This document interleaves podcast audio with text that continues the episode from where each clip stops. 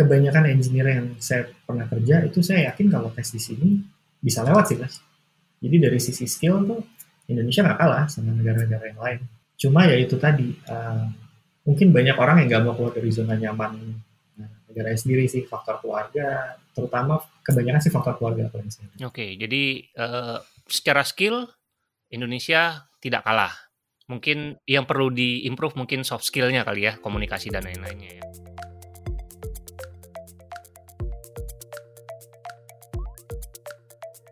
Selamat datang di Ceritanya Developer, podcast yang menampilkan developer, programmer, atau engineer Indonesia inspiratif yang tersebar di seluruh dunia.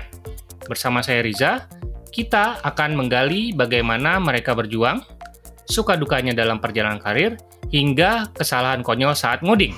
Podcast ini diproduksi oleh Deep Tech Foundation, sebuah startup non-profit yang punya misi menyetarakan talenta digital di Indonesia. Dan sekarang kita sudah kembali kedatangan salah satu narasumber yang adalah bagian dari mafia ISOS seperti narasumber kita sebelumnya. Kemudian juga sudah cukup malam melintang di dunia unicorn, sempat di Traveloka dan juga di Gojek dan sekarang sudah melalang buana ke uh, luar Indonesia, uh, tepatnya di Dubai, join perusahaan namanya Nun sebagai senior engineer manager. Langsung aja kita ngobrol-ngobrol dengan Fauzan Erich Emerling. Halo Fauzan, gimana kabarnya? Halo Mas Riza, kabar baik Mas, Alhamdulillah. Gimana Dubai? Panas Mas. Panas ya. Oke, okay.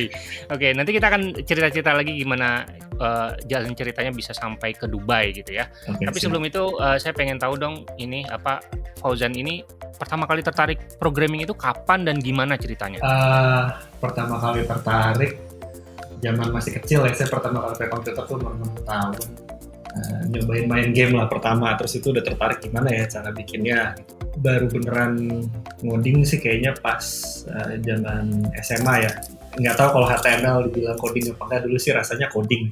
Uh, waktu SMP sempat ikutan ekskul komputer tapi nggak nggak beneran berdasarkan ngoding sih kalau yang itu kan itu lebih kayak pakai DOS terus Lotus 123, WordStar kayak gitu-gitulah. Jadi nggak nggak beneran coding. Baru beneran pertama kalau bisa dihitung HTML tuh ngoding ya SMA itu. Oke, okay. terus dari SMA tertarik tadi apa HTML, CSS ya web lah ya. Terus kemudian uh, berlanjut ketertarikannya ke kuliah atau gimana? Iya, kuliah kan memang udah uh, tadinya pengen jadi pilot, cuma karena nggak dapat izin dari orang tua, akhirnya passion apalagi gitu kan coba ngeliat ya passionnya kayaknya mau di komputer lah belum tahu apa gitu tapi ya udah masuk komputer sayang saja dulu terus uh, coba tes di binus masuk.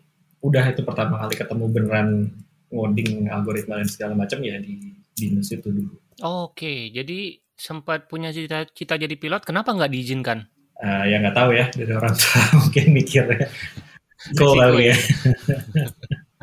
Ya ya oke Terus begitu masuk ke jurusan IT ya di BINUS, eh, itu sesuai ekspektasi nggak sih? Jujur nih mas, saya termasuk geng ngerasa salah jurusan mas.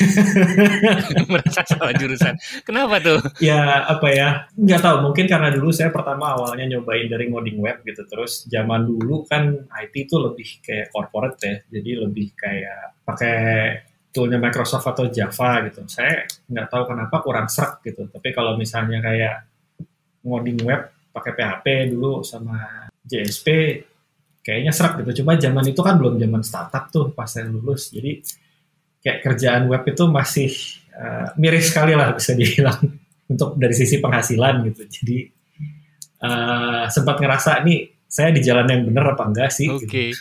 Jadi kalau dulu mungkin uh, bikin web itu hanya untuk uh, company profile. Iya, gitu. kebanyakan ya itu mentok-mentok CMS gitu ya. Dulu ya kayak begitulah gitu. Hmm. Terus momen ketika apa merasa salah jurusan, merasa salah apa uh, ini kok salah pilih gitu ya. Terus akhirnya momen di mana oh ternyata benar gitu. Hmm. Uh, di mana? Pada saat apa? Pas ketemu Python sih mas jujur mas. Soalnya itu baru bener apa ya uh, banyak hal yang waktu saya pas zaman kuliah belajar gitu di bahasa lain kok agak susah pahamnya begitu ketemu Python itu baru oh ternyata begini dan coding tuh kayaknya idealnya sebenarnya seperti ini gitu. dan saya juga learning time-nya jadi jauh lebih cepat untuk belajar apa apa sejak ketemu Python itu sih dan dan abis itu juga ngaruh karena karena beneran dapat oh harusnya begini gitu begitu switch bahasa jadi jauh lebih gampang semua sih gitu. Memang memang kayak momen kliknya tuh pas pas belajar Python itu lah Oh, pas belajar Python, justru Python nggak diajarin di kampus pada saat itu ya? Enggak, Binus kan si banget mas dan Si, apa ya? ya, si zaman itu Java, belum- PHP masih dapat lah ya. Hmm, Java dapat. Belajar Pythonnya sendiri di eh, perusahaan atau eh, sendiri atau atau didak gitu maksudnya? Dibilang otodidak, agak otodidak, tapi ada kayak mentornya. Jadi dulu saya punya kayak semacam software house gitu lah mas. Jadi zaman itu kayak siapa yang enggak lah. Terus ngerjain ngerjain produk. Nah saya kebetulan dapat uh, deal sama salah satu agency di Austria. Nah mereka tapi maunya itu semua kerjaannya pakai Python gitu dan saya bilang waktu itu belum tapi ya willing to learn lah dikasih tahu kira-kira belajar harus gimana sama dia sign ada satu mentor waktu itu buat belajar Python gitu. Nah itu belajar lumayan banyak sih enlightenment period lah bisa dibilang. Hmm, Oke, nah eh, mungkin bisa dilanjutkan apa eh, perjalanan karirnya sampai saat ini? Uh, Singkat-singkat saya aja. dulu pas pertama lulus itu sebenarnya dari zaman kuliah udah sempat kerja sambil kerja di ada software house kecil, tapi saya juga sambil bikin software house saya sendiri gitu. Karena yang software house kecil ini kan ngerjain software kecil-kecilan kayak buat sekolah, buat toko gitu. Jadi pakai VB6. Nggak tahu di zaman sekarang masih ada yang pakai apa enggak itu. Tapi sambil itu juga saya sambil ada apa namanya? Sambil ngambil S2 lagi. Nah, begitu S2 ini selesai, software house saya masih jalan sih, tapi saya waktu itu kerja di Big Four di Deloitte. Nah ini bidangnya sebenarnya malah jadi jauh banget larinya karena sesuai sama yang waktu di S2 juga sih. Nah, saya ngambil IT audit mas. Tapi coding skill saya masih kepake karena kan di IT audit tuh kita ada computer assisted. Nah itu mesti kayak ngolah data banyak lah, yang data perbankan, data macam-macam dari company gitu. Terus karena kebetulan spesialisasinya banking, abis dari Deloitte itu saya ditawarin pindah ke bank. Saya sempat di Maybank. Sekarang jadi Maybank sih dulu masih BI namanya. Nah pas lagi di situ kan house tetap jalan juga tuh. Malah saya udah ada karyawan waktu itu. Terus saya tapi siang kerja di kantor, malam coding gitu. Terus istri perhatiin, kok kayaknya happy banget kalau misalnya lagi ngoding gitu. Terus dia nanya, ada nggak sih kerjaan yang misalnya kamu bisa ngoding tapi penghasilannya mungkin kurang lebih sama lah kayak yang uh, kamu dapat di bank gitu. Soalnya kan waktu itu startup belum kayak sekarang mas. Kerjaan apa ya kerjaan IT itu masih terbatas lah kalau mau yang wah-wah banget itu memang harus yang harus yang corporate gitu. Dan saya sebenarnya sama stacknya corporate nggak terlalu cocok gitu. jadi akhirnya ya uh, sambil nyari-nyari iseng ikutan hackathon. Hackathonnya di Social waktu itu. Saya ikutan yang masa hackathon terus dapat uh, favorite app nah di situ ketemu sama Mas Kris Christian Rustiadi terus dia bilang kenapa nggak coba di Ice House aja? Waktu itu Ice House baru buka kan karena koprol habis ditutup. Terus ya coba. Nah, ya sudah akhirnya masuklah ke Universitas Ice House dari Ice House terus ke Traveloka diajakin sama Dirianto itu buat bikin uh, tim effort tangannya. Terus gatel pengen nyobain startup dari awal diajakin sama temen sama Tista waktu di House kan bareng bikin uh, awalnya Coral terus kita pivot jadi Prism tapi itu kan owned by Mitrans terus Mitransnya dibeli sama Gojek ya lanjut perjalanan ke Gojek Mas.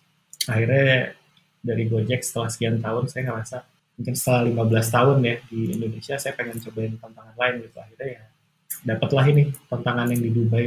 Wah menarik. Coral itu bukannya sama ini ya, Batista bukannya? Iya benar sama Batista Ah, dunia ini eh, di, sebesar daun kelor ya. di situ-situ aja ya mainannya ya. sekarang Batistanya sama saya juga di sini Oh, oke. Wah. Oke, oke, oke. Salam ya kalau ketemu. siap siap Oke. Nah, eh, akhirnya apa eh, tadi sampai di Nun ya di Dubai gitu ya. Nah, selama perjalanan karir gitu ya, selama profesional menjalani karir sebagai eh, engineer lah, eh, termasuk juga engineering manager dan lain-lain, produk juga sempat.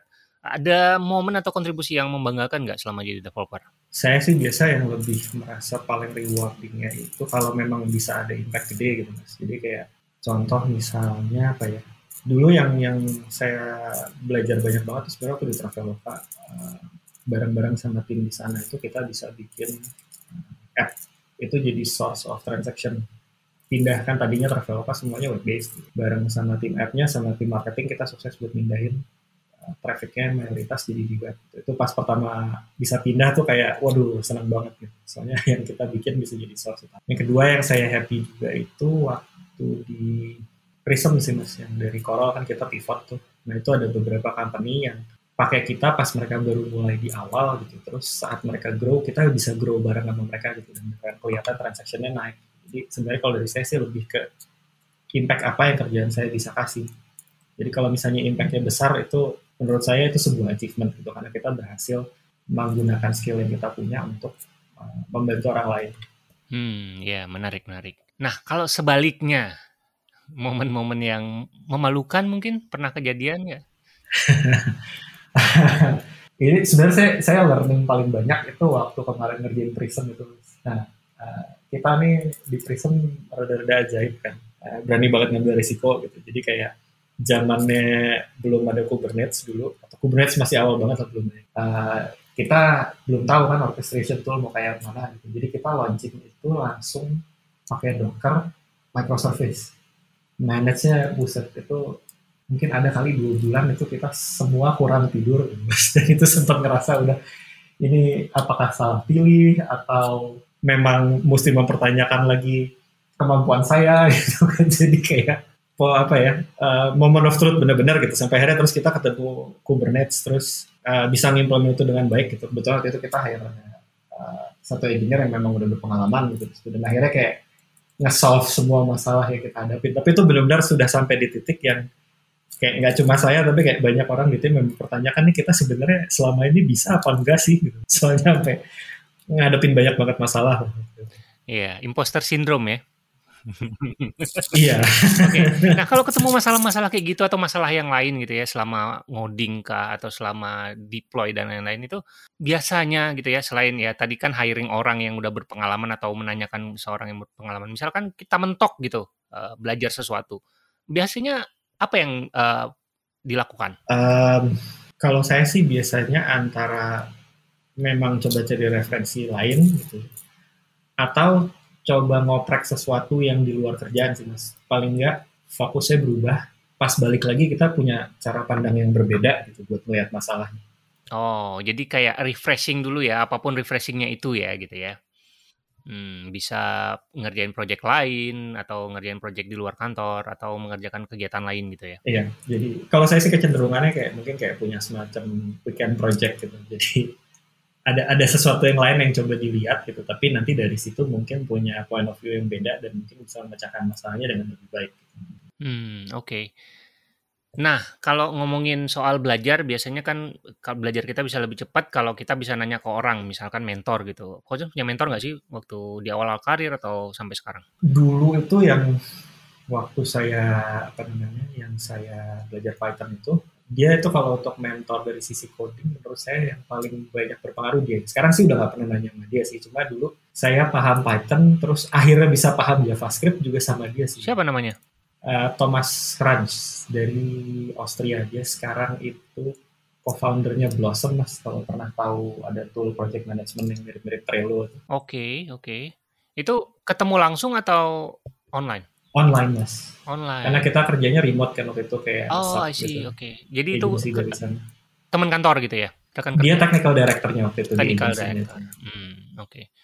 apa uh, ya selain belajar Python dan JavaScript apa uh, hal yang paling uh, Fauzan bisa pelajari dari sosok uh, dia ini dari Thomas itu yang paling utama sih sebenarnya kayak how to approach the problem ya. Soalnya waktu waktu kayak zaman kuliah gitu kan ya kita diajarinnya kebanyakan lebih cepat doang gitu kan selewat selewat selewat gitu hal-hal you approach a problem gitu terus kayak algoritma juga nggak terlalu beneran dalam sih menurut saya gitu tapi itu mungkin dari sisi dosennya ya mungkin ada dosen-dosen yang lain yang lebih bagus gitu. tapi dia benar-benar ngasih tahu kalau kalau ketemu masalah A coba approach-nya begini kalau ketemu masalah B coba approach-nya begini Dan itu itu itu mulai ngebangun mindset sih jadi dari situ terus kebetulan dalam dari situ masuk ke Ice House kan dan di Ice House tuh pola pikirnya kurang lebih sama kayak gitu jadi kayak dari Pak Fajar sama Pak Daniel dulu uh, itu juga ngajarin hal-hal yang kurang lebih mirip kayak gitu gitu. Jadi saya kayak diasah bener problem solvingnya. Menarik sekali ya. Oke, sekarang kita ke pekerjaan saat ini kan sekarang uh,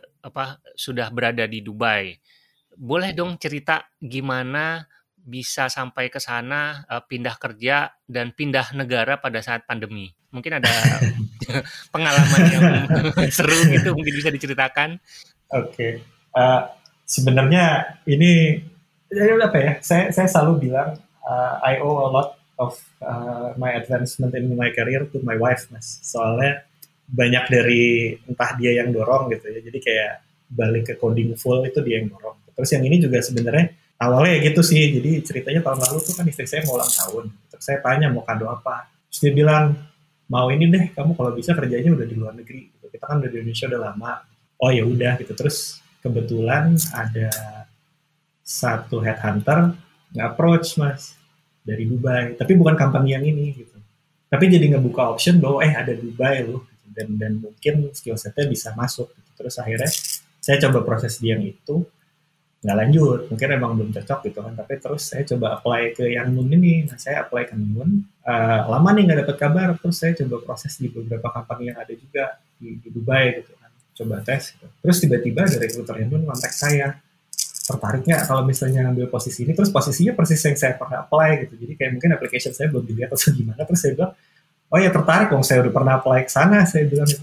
Terus dia cek oh iya iya ini udah pernah apply. Cocok lah mudah-mudahan kata dia gitu. Terus ya lanjut prosesnya saya interview sama line manajernya habis itu interview sama CTO-nya cocok semua ya udah akhirnya join.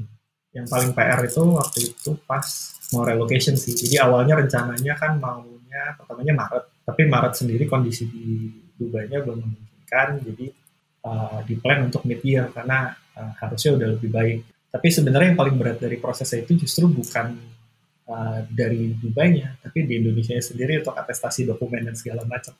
Itu yang paling lama. Jadi kalau saran saya, kalau misalnya memang ada yang mau keluar negeri, atestasi dokumen itu diurusnya paling awal. Soalnya saya ada yang sampai hari berangkat itu agensi yang ngurus itu baru ngantar saya ngambil di bandara gitu. Udah hari terakhir mau berangkat banget gitu. Deadline banget benar-benar. Deadline banget ya. Oke oke. Wah, tapi kayaknya lumayan seru ya, uh, pengalaman berarti pindah satu keluarga ke Dubai? Satu keluarga satu keluarga. Dan dan apa, bener banget kebetulan gitu, seminggu setelah berangkat terus, uh, travel restriction dari Indonesia. Oh, pas sekali ya?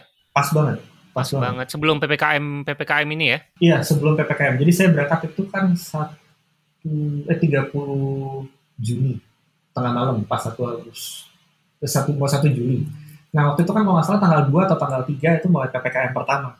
Hmm, I see. Oke, okay. wah momennya pas sekali ya. Berarti memang uh, ditakdirkan ke sana ya. Oke oke. Okay, Nah uh, ini kan uh, apa? Sebenarnya udah kerja sebelumnya kerjanya remote kan dari yeah. Jakarta dari Indonesia gitu kan? Iya. Yeah. Terus sekarang udah join ke uh, Dubai-nya langsung. Ada culture shock nggak sih? Um, culture shock pertamanya adalah, tapi mungkin itu di sisi company-nya ya culture-nya. Saya biasa datang dari company yang documentation-nya banyak. Di sini kalau mau lihat documentation mesti baca kode, Mas. Oh, oke. Okay. dan dan ngobrol, tapi at least yang saya senangnya adalah uh, orang-orangnya very very helpful karena mereka sangat aware uh, documentation-nya minim. Jadi orang-orang yang terkait sama produk itu biasanya memang dengan senang hati mau ngejelasin gitu memang spend time dengan baik untuk itunya. Nah, tapi culture shock yang berikutnya itu adalah karena di sini kan multi culture-nya benar-benar multi culture banget kan. Kayak tim saya itu ada yang dari Pakistan, ada yang dari India, ada yang dari Armenia, ada yang dari Mesir, ada yang dari Syria juga. Gitu. Dan itu kan culture background dari negaranya masing-masing itu uh, beda-beda kan. Jadi handling orangnya jadi jauh lebih unexpected dibanding uh, di Indonesia gitu. Karena kalau di Indonesia kan udah oh kurang lebih tahu kalau misalnya teman yang dari daerah sini kurang lebih gimana, kalau dari daerah sini kurang lebih gimana. Nah, di sini karena beneran nggak paham sama sekali, jadi harus mempelajari ini juga gitu banyak-banyak ngobrol sama orangnya. Gitu. Oke. Okay. Nah bahasa sehari-harinya berarti bahasa Inggris. Bahasa Inggris di sini mungkin semua orang bisa survive dengan hanya bisa bahasa Inggris doang sih mas Oh, wah menarik juga ya. Kalau kalau bisa bahasa uh, Arab ya itu membantu pastinya akan akan bisa lebih cepat kalau misalnya kayak urusan sama kantor pemerintahan dan yang lain-lain tapi nggak wajib Oke, berarti agak lumayan smooth lah ya bahasa Inggris uh, di sehari-hari digunakan, terus juga di kantor juga pasti bahasa Inggris karena multikultural ya. Yeah. Oke, nah uh, mungkin boleh dijelaskan Moon ini apa dan uh, Fauzan uh, join ke tim apa dan mengerjakan apa? Uh, Moon itu e-commerce uh, head to head langsung saat ini kita sebenarnya ada beberapa front sih kayak yang main company sendiri head to head sama Amazon. Jadi itu benar-benar marketplace. Uh, saya sendiri masuk di tim namanya Daily. Jadi Daily ini groceries uh, platformnya Noon, uh, everyday grocery stuff. Jadi saya benar-benar pakai uh, produk saya sendiri setiap hari untuk belanja karena memudahkan banget lah. Uh, kalau Indonesia mungkin apa ya? Uh, equivalennya mungkin kayak Happy Fresh in a way, tapi juga saya juga ada ininya jadi kayak in a way ada kayak GoMart juga karena kita ada instantnya juga jadi yang ada ada untuk beberapa item tertentu gitu kita instant uh, hari ini dalam 90 menit barangnya nyampe tapi kalau untuk yang lainnya biasanya dia next day delivery. Ya itu makanya saya bilang kayak it's a mix between Happy Fresh and Go Mart atau ya nggak nggak Go Shop sih soalnya itemnya udah fix gitu udah ada. Kalau Go Shop kan kita bisa ganti apa pun. Nah dengar-dengar gosip nih katanya di Dubai itu jam kerjanya panjang benar nggak sih? Itu tergantung kita ngaturnya sih kalau saya lihat. Tapi ada keharusan berapa jam sehari atau per minggu nggak sih? Kalau jam kerja resminya kan biasa 9 ya ya 9 tapi kan dipotong istirahat satu jam itu udah standar. Uh, tapi tergantung company-nya sih policy-nya. Yang penting sih sebenarnya gini, kalau di sini tuh yang paling berlaku itu apa yang ada di kontrak kerja. Jadi kalau dapat kontrak kerja baca dengan baik. Kalau ada yang nggak sesuai protes di awal. Soalnya kalau udah itu yang akan dipakai untuk patokan selama di sini. Moon ini sendiri perusahaan asli dari Dubai atau perusahaan uh, dari uh, dari luar terus ada cabangnya di Dubai? Asli dari Dubai. Malah sekarang udah mulai kita buka operations juga sekarang di Saudi sama di Mesir. Kalau selama kan baru dua bulan ya masih baru ya. Uh, ada hobi baru nggak sih selama di Dubai atau masih uh, punya hobi yang lama uh, dilanjutkan ke sana? Saya karena belum vaksin jadi masih mode parno masih belum nge-explore. Oh cuma kemungkinan sih ngelanjutin hobi mainan drone. Mainan drone. Oh. Di sini menarik juga saya kalau mau mainan drone mesti ngambil license gitu kan. Jadi saya malah jadi punya license ujungnya. Oh. Di Indonesia nggak pernah ngambil license soalnya. oh jadi kayak pilot gitu ya? Iya ada ada ada hobbyist license uh, drone-nya di uh, program juga? Atau hanya remote remote aja? Drone-nya ya pakai remote aja sih untuk saat pakai remote aja dulu belum, ya. belum belum ngoprek-ngoprek yang gimana gimana mas oke oke Fauzan kan sebagai uh, ini kan engineering manager kan mungkin uh, buat beberapa teman-teman kita yang terutama yang fresh graduate yang kuliah mungkin belum begitu familiar dengan uh, role engineering manager. Mungkin bisa dijelaskan pekerjaan sehari-harinya engineering manager itu seperti apa sih? Um, sehari-harinya yang pasti itu memastikan bahwa produk yang akan di deliver dari sisi engineeringnya di deliver dengan baik. Kita ngatur, uh, kita bahas biasanya sih tandem sama uh, product manager. Kita memastikan desain produknya sesuai dengan apa yang di expect uh, untuk di deliver sebagai solusi ke user dan deliverynya berjalan dengan baik. Jadi saya juga mesti manage teman-teman di tim, apakah mereka bisa bekerja dengan baik atau enggak, gitu. Apakah prosesnya sudah ideal atau enggak. Jadi lebih kayak orang yang memastikan semuanya berjalan dengan baik dalam produk delivery, tapi dari sisi engineeringnya. Tapi saya juga ikutan coding sih, soalnya nggak bisa sih mas saya kalau nggak coding.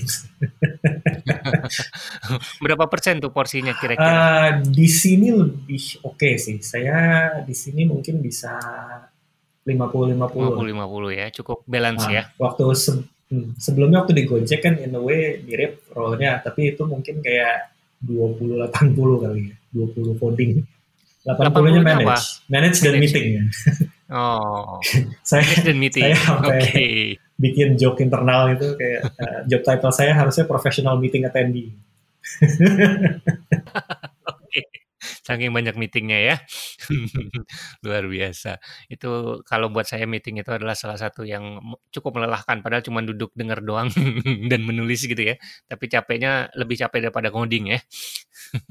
Uh, Fauzan kan udah uh, apa bekerja sama dengan uh, banyak engineer-engineer di luar Indonesia yang yang kulturnya uh, berbeda dengan Indonesia. Apa sih perbedaan yang paling signifikan antara developer atau engineer dari Indonesia sama developer atau engineer dari luar? Uh, lebih apa ya? Kalau di Indonesia tuh kebanyakan yang nggak enakannya. Jadi komunikasinya agak agak suka segan-segan gitu. Kalau misalnya nggak nggak nggak dibiasain culture-nya untuk kayak gitu. Kurang proaktif gitu ya? Uh-uh. Malu gitu ya? Uh. Segan. Jadi apa ya? Uh, kalau yang engineer dari luar tuh kebanyakan gitu kalau misalnya memang menurut dia enggak ya enggak uh, to the point jadi kayak apa ya kalau pernah baca mungkin radical candor ya itu diterapkan dengan baik gitu jadi semuanya to the point bisa dibilang kalau di Indonesia kan kita kecenderungannya lebih gimana biar ngomongnya enak gimana biar kedengarannya lebih bagus gitu kalau di sini ya gitu sih kebanyakan memang benar to the point aja apa yang enggak ini apa yang enggak itu. Oke. Okay. Nah, Fauzan sendiri kan dari Indonesia gitu. Uh, apakah dulu seperti itu atau memang dulu uh, udah cukup proaktif atau gimana? Kalau saya sih kebiasaan ini ini, ini tapi mungkin kebiasaan waktu di Ice House juga ya. Uh, udah udah biasa diajarin kayak if you see something wrong ya say that it's wrong gitu dan, dan ada beberapa culture yang bagus di sana juga gitu kan. Jadi nggak terlalu kaget sama culture. Uh, cuma pas awal-awal saya coba ngeliat gitu kan ngomongnya awalnya juga masih suka yang ada gitu gitu. Tapi terus begitu ngeliat semua orang juga pada langsung to the point oh ya sudah hantem kromo aja langsung. Oh, berarti ada faktor uh, pendukungnya yaitu lingkungan juga ya berarti ya. Kalau culture-nya bagus, terbuka dan uh, open up gitu mungkin orang-orang uh, juga akan willing to speak up kali ya. Uh, menurut saya iya sih harus apa ya, ya yang yang harus dibiasain sebenarnya menurut saya di Indonesia lebih banyak itu adalah over communicating sih mas. Soalnya ada satu lesson bagus dulu yang saya dapat dari dulu CEO-nya Esaf tuh si Lars. Dia bilang uh, saat kita ngerasa kita over communicate, mungkin itu kita baru cukup, belum beneran over communicate. Selalu harus dipastiin bahwa dua pihak ini ngerti bener apa yang mau dilakukan, apa yang dihadapi. Kadang kan kita suka, oh ya udah mungkin begini doang orangnya udah ngerti, gitu. tapi pastiin aja sampai beneran ngerti. Jadi saya kalau ke tim di mana pun saya berada, sekarang saya pastiin semua mau over communicate, terutama di, di masa kerja remote kayak sekarang ini. Uh, miscommunication itu kan kemungkinan terjadinya besar banget. Jadi memang over communicating ini jadi poin yang penting dan harus jadi bagian dari culture. Hmm, lebih baik over communicate daripada mis misunderstanding ya. Biar lebih baik dibilang cerewet gitu, bawel gitu. Wah, kalau di sini kalau urusan bawel, bawel semua bawel semua. ada tuh yang dari beberapa negara nggak mau sebut lah ya. Kadang-kadang kalau udah ngomong udah nggak bisa oh, iya, iya, gitu ya. Itu iya, saya tahu kok negaranya itu. Tapi mungkin ada tips gimana cara memberhentikan mereka ngomong gitu. Saya su su suka susah banget kalau misalkan ketemu gitu ya uh, ngobrol atau ada diskusi gitu. Kalau mereka udah ngomong udah aja gitu. kalau di sini sih yang saya senang ya uh, ini ya apa uh, meeting itu sangat efektif mas. Jadi kalau misalnya kita time box 15 menit, 15 menit benar selesai. Jadi benar-benar uh, dibiasakan Uh, semua tim member misal ada lima orang dan kita punya 15 menit berarti satu orang tiga menit itu benar tiga menit dipakai dengan efisien udah segala macam kelas pertanyaan dan segala macam. Jadi sebenarnya selama selama di time box dengan baik, biasanya mereka akan menyesuaikan time boxnya dengan baik. Dan kalau culture memang semua orang maksa, oke okay, waktu ngomongnya cuma segini, mereka akan terbiasa untuk bener ngomongnya cuma selama waktu yang dikasihnya itu sih. Kalau Indonesia kan kita cenderung oh ya udahlah kasih aja lewat gitu. Iya. Kadang, Jadi ya sudah dibiasakan. kadang meetingnya di set satu jam gitu ya defaultnya gitu ya. Padahal cuma 30 menit, 15 menit bisa atau hanya via email pun bisa hmm. gitu ya. Iya benar. Saya saya saya di sini ngerasain sendiri meeting 30 menit itu udah banyak banget yang didapat. Apa ya? Uh, kadang malah banyak meeting yang 15 menit selesai. Dan itu bukan stand up ya. Kalau kayak stand up 15 menit karena banyak yang giliran ngomong gitu. Tapi jadi kayak saat ngirim invite udah ada konteksnya yang jelas gitu dan semua orang udah terbiasa baca konteksnya jadi saat meeting benar-benar cuma bahas dagingnya doang lah gitu. kalau di sini sehat mas jadi kalau stand up meeting pun bisa sampai satu jam lebih. Nah itu dia. itu stand up apalagi kalau stand sit down gitu kan. Oke oke oke. Nah mungkin uh, Mas uh, mungkin uh, Mas Pozan punya tips nggak sih buat teman-teman uh, engineer yang mendengarkan yang punya cita-cita untuk berkarir di luar negeri? Mungkin ada sedikit tips uh, atau pengalaman yang bisa di-share? Uh, tips yang paling utama sih, yang paling berat ke luar negeri adalah mental sih mas. Jadi kita memang mesti nyiapin mental karena jujur ada beberapa temen yang kemarin coba proses gitu, tapi terus di tengah-tengah proses mundur bukan karena mereka nggak mampu, ada yang memang udah lulus tapi karena misal keluarga nggak support atau mereka nggak siap dengan pindah ke tempat yang baru. Jadi memang it's not easy itu nggak kayak yang misal kita pindah dari Jogja ke Jakarta misalnya atau di mana yang di Indonesia yang kita masih ngerasa ya ini rumah kita sendiri. Tapi uh, benar harus nyiapin karena you have to be prepared for all the worst di negara orang. Itu yang pertama disiapin tuh itu. Tapi yang nggak kalah penting menurut saya adalah ya skill. Karena uh, you can write all you want in your resume, tapi saat misalnya di tes skillnya nggak masuk kayak yang di resume ya nggak akan masuk. Dan Indian jadi kayak ng ngasih kesan jelek buat orang-orang Indonesia juga gitu. Kalau misalnya wah ini yang dari Indonesia kebanyakan resumenya kelihatannya wah, tapi begitu dites ternyata nggak bisa nih. Kalau banyak yang kayak gitu nanti itu akan berpengaruh ke hiring proses selanjutnya juga pasti soalnya. Jadi dua itu yang penting menurut saya. Dua itu yang penting ya. Tapi uh, selama pandemi ini ada peluang juga ya. Misalkan uh, katakanlah tadi kita belum berani atau belum punya ke keberanian untuk benar-benar keluar, kita bisa bekerja di perusahaan luar dari Indonesia gitu untuk mencoba culture-nya dan lain-lain, komunikasi dan lain-lain kali ya. Bisa banget sih kalau menurut saya. Soalnya kalau kalau yang saya perhatiin gini sih, saya kebetulan compare sama yang company-company yang saya pernah kerja dulu, kebanyakan engineer yang saya pernah kerja itu saya yakin kalau tes di sini bisa lewat sih mas. Jadi dari sisi skill tuh Indonesia nggak kalah sama negara-negara yang lain Cuma ya itu tadi, uh, mungkin banyak orang yang nggak mau keluar dari zona nyaman negara sendiri sih, faktor keluarga, terutama kebanyakan sih faktor keluarga. Oke, okay, jadi uh, secara skill Indonesia tidak kalah. Mungkin yang perlu diimprove mungkin soft skillnya kali ya, komunikasi dan lain-lainnya ya. Ya, soft skill mungkin berpengaruh. Tapi kalau kalau soft skill ya, kalau saya perhatiin rata-rata karena sekarang kebanyakan company memang juga multicultural, jadi apa ya kalau ngerasa soft skillnya harus ngomongnya kayak orang Inggris bener gitu misalnya bahasa Inggrisnya ya enggak juga. Yang penting bisa berkomunikasi aja. Yang penting bisa berkomunikasi. Lagi pula ada ada jalur ini kan ada individual kontributor juga ya. Iya benar. Yang tidak terlalu banyak membutuhkan uh, komunikasi. Yang penting bisa ngomong atau bisa nulis gitu ya. Dan mengerti apa yang diomongin gitu ya. Iya yang penting gimana gimana idenya bisa nyampe. Hmm. bisa nyampe dan bisa menerima gitu kan kan pada akhirnya kan kerja engineering kan kalau dalam tim itu yang penting kan gimana bisa saling mengkomunikasikan ide jadi bukan bukan bagus-bagusan bahasa Inggris hmm. bukan buat jualan gitu ya yang penting bisa menyampaikan iya. apa yang ada isi kepala dan bisa dimengerti oleh uh, apa uh, orang teman diskusi kita gitu ya. Ya benar. Oke, nah tadi sempat keluar tuh radical calendar. Uh, mungkin uh, bisa di share uh, buku terakhir yang dibaca dan mengubah mindset atau atau apakah uh, radical calendar adalah bukunya? Enggak sih itu salah satu. Salah satu. Saya yang yang kebetulan mengubah mindset itu justru saya baca biografinya Elon Musk, Mas. Hmm, oke. Okay. Kenapa tuh? Uh, ada ada satu statement dia itu yang yang apa ya? Menurut saya itu penting banget sih gitu uh, bagi diri kita maupun buat buat orang lain juga gitu. jadi ada satu statement dia yang saya ingat situ adalah if you have the ability to make this world a better place then it's not just something you must do but it's your obligation. Jadi kalau kita memang punya skill untuk mengembangkan sesuatu yang membantu orang atau membuat dunia ini lebih baik pakai skill itu menjadi kewajiban kita untuk membuat dunia ini lebih baik. Bukan cuma sekedar skill itu disimpan buat diri kita sendiri. Jadi ya it's, it's fine misalnya if you want to use that skill to get more money, tapi at the same time you have to do both, make money and make the world a better place kalau bisa. Jadi saya selalu berusaha uh, gimana caranya dengan skill yang saya punya, ini memecahkan masalah orang, membuat uh, mereka jadi lebih mudah gitu dalam melakukan banyak hal. Oke, jadi sekarang itu udah bukan zamannya lagi nyimpen-nyimpen skill, jangan sampai orang lain tahu supaya kita tidak tergantikan di suatu perusahaan gitu ya.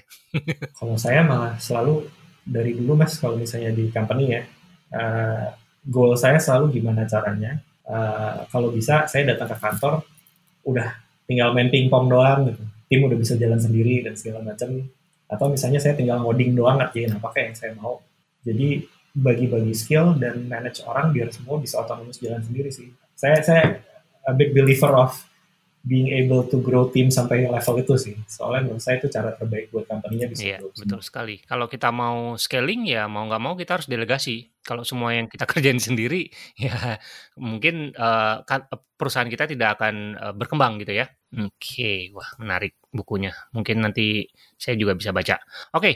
Uh, kalau ada teman-teman yang mendengarkan terus mau ngobrol, mau keep in touch, mau apa, uh, ya mau menyapa lah di sosial media, mungkin bisa di-share sosial media yang paling aktif di mana? Saya di Twitter sih paling aktif. Kalau mau nyapa bisa ke @femerling, F E M M E R L I N G.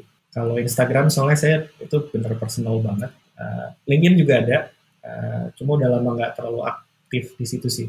Kalau GitHub, uh, saya GitHub banyaknya aktifnya yang di GitHub buat kerjaan kantor. Jadi kalau lihat iya. GitHub wall-nya hijaunya banyak, tapi isinya kerjaan kantor private repo semua. private semua ya? Ada sih beberapa yang repo-repo lama gitu, tapi mungkin udah nggak terlalu hmm. apa ya, udah nggak terlalu relevan lah untuk sekarang. Hmm, oke. Okay. Ya GitHub juga nggak cocok lah buat saling kecuali saling PR gitu ya. oke. Okay. Um, mungkin ada apa pesan penutup dari Fauzan sebelum kita menyudahi? Uh, kalau dari saya sih ada. Ini sebenarnya bukan dari saya sendiri loh ya originnya, tapi ngena banget. Jadi kalau kita mau ngembangin skill atau mau kerja di mana pun, kita mesti melihat diri kita tuh kayak startup sendiri. Jadi startupnya kan kalau orang-orang kan mikir kerja di startup tuh. Padahal mesti lihat bahwa dirinya sendiri adalah startup. Bahwa kita mau berusaha untuk meningkatkan value sama kayak startup selalu berusaha meningkatkan value. Jadi ya belajarlah sebanyak mungkin gimana caranya biar kita bisa punya value yang lebih tinggi. Indian kan kita akan deliver value itu melalui kerjaan kita mudah-mudahan dengan itu bisa bentuk orang lain. Luar biasa. Pokoknya di mana pun, posisi apa pun, kita harus mem eh, memberikan uh, nilai yang lebih kepada uh, kontribusi ya, kontribusi kepada perusahaan ataupun kepada startup ataupun apa pun gitu ya. Ya pada akhirnya kan diri sendiri mas. Kita ya, ujung-ujungnya ke diri sendiri ya. Ah, ujungnya tetap ke diri sendiri tapi kita distribusi value-nya itu ke perusahaan. Iya, jadi nggak usah takut kita tidak direcognize gitu ya atau uh, nanti tidak kita tidak dapat keuntungan apa-apa tapi percayalah kalau kita kontribusi 100% ke perusahaan pasti perusahaan juga akan uh, apa namanya memberikan nilai juga buat kita gitu ya.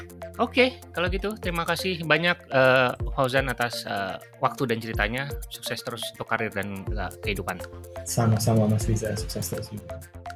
Kritik dan saran bisa dilayangkan ke rizafahmi at gmail.com atau mention lewat Instagram deeptech.id dengan hashtag ceritanya developer. Jangan lupa support podcast ini dengan berdonasi lewat karyakarsa.com slash rizafahmi atau beli merchandise ceritanya developer di www.ciptaloka.com slash plus rizafahmi. Sampai jumpa lagi di episode berikutnya. Bye!